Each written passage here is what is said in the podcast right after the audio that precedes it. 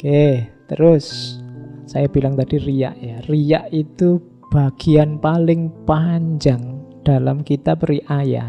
Saya tidak bawa banyak, silakan teman-teman baca sendiri kitabnya. Dalam bahasa Arab boleh, bahasa Indonesia terjemahnya silakan dicari. Ada riak besar, riak kecil. Riak itu pamer itu loh, bukan riak kalau kamu flu itu.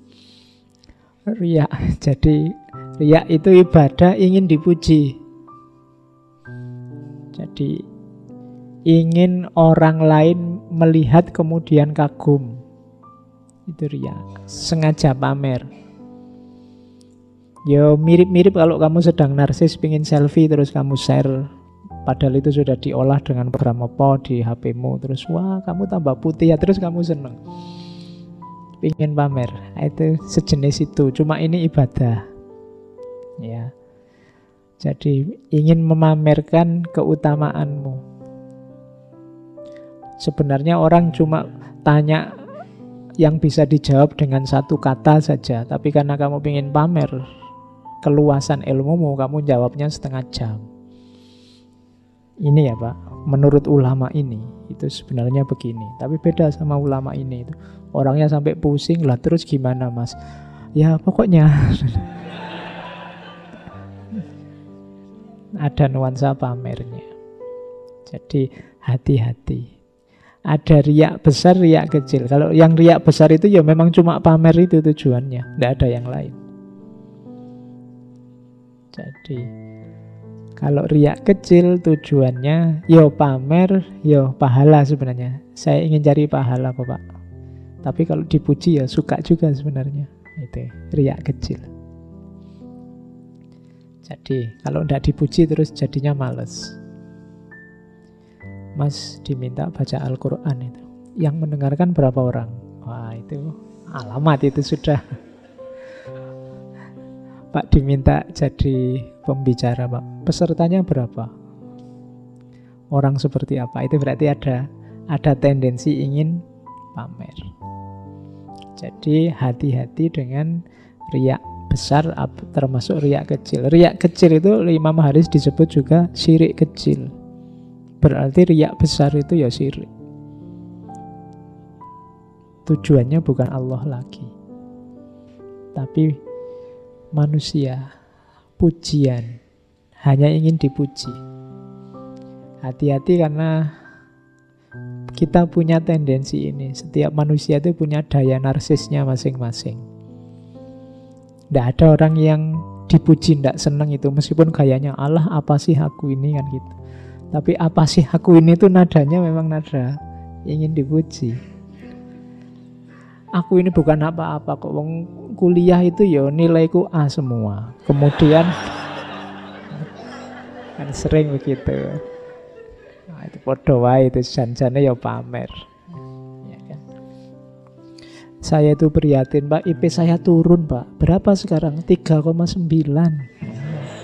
Ya wes. Oh, itu turun toh. Iya, karena kemarin 4, sekian misalnya. Oke.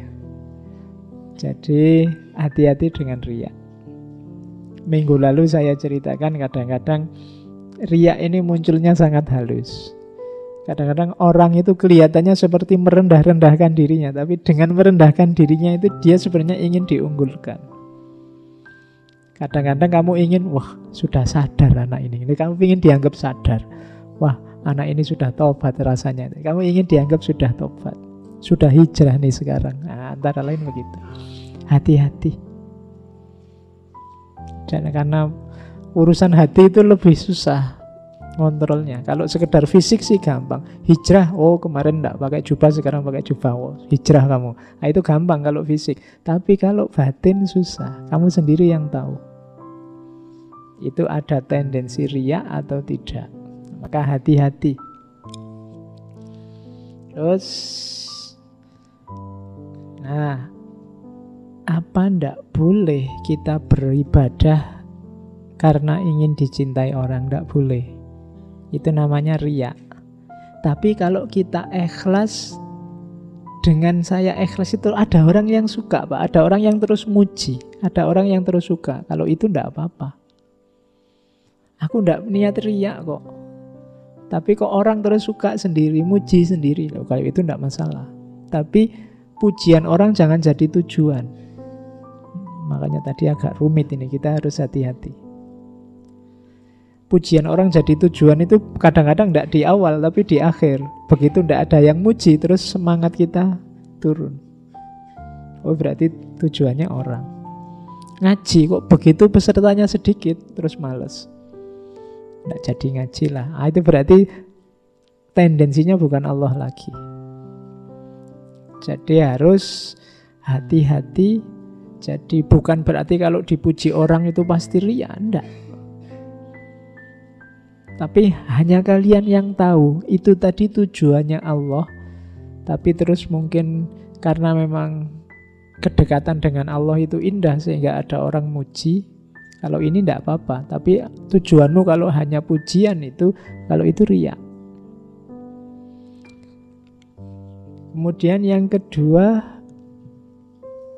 ada lagi yang unik. Orang yang meninggalkan ibadah karena takut dianggap riak. Ini riaknya double katanya Imam Haris al-Muhasifi. Kenapa? Jadi yang pertama dia dosa kenapa? Meninggalkan ibadah karena prasangka. Kamu kok GR, aku ndak pengen muji kamu kok. Kamu merasa, Pak, saya ndak mau sholat tahajud ah malu, ada temen. Nanti dipuji aku. Sopo sih mau muji? Jadi dosanya malah double. Kadang-kadang kan kita gitu. Aku biasa nih sih puasa Senin Kemis, tapi ini lagi kayak gini banyak temen aku malu ah mau puasa nanti dianggap anak soleh lagi. Ah itu. Jadi ini dosanya double kalau kayak gitu. Kamu boleh ndak puasa, tapi motifnya jangan karena manusianya. Karena pujiannya. Karena takut dianggap riaknya.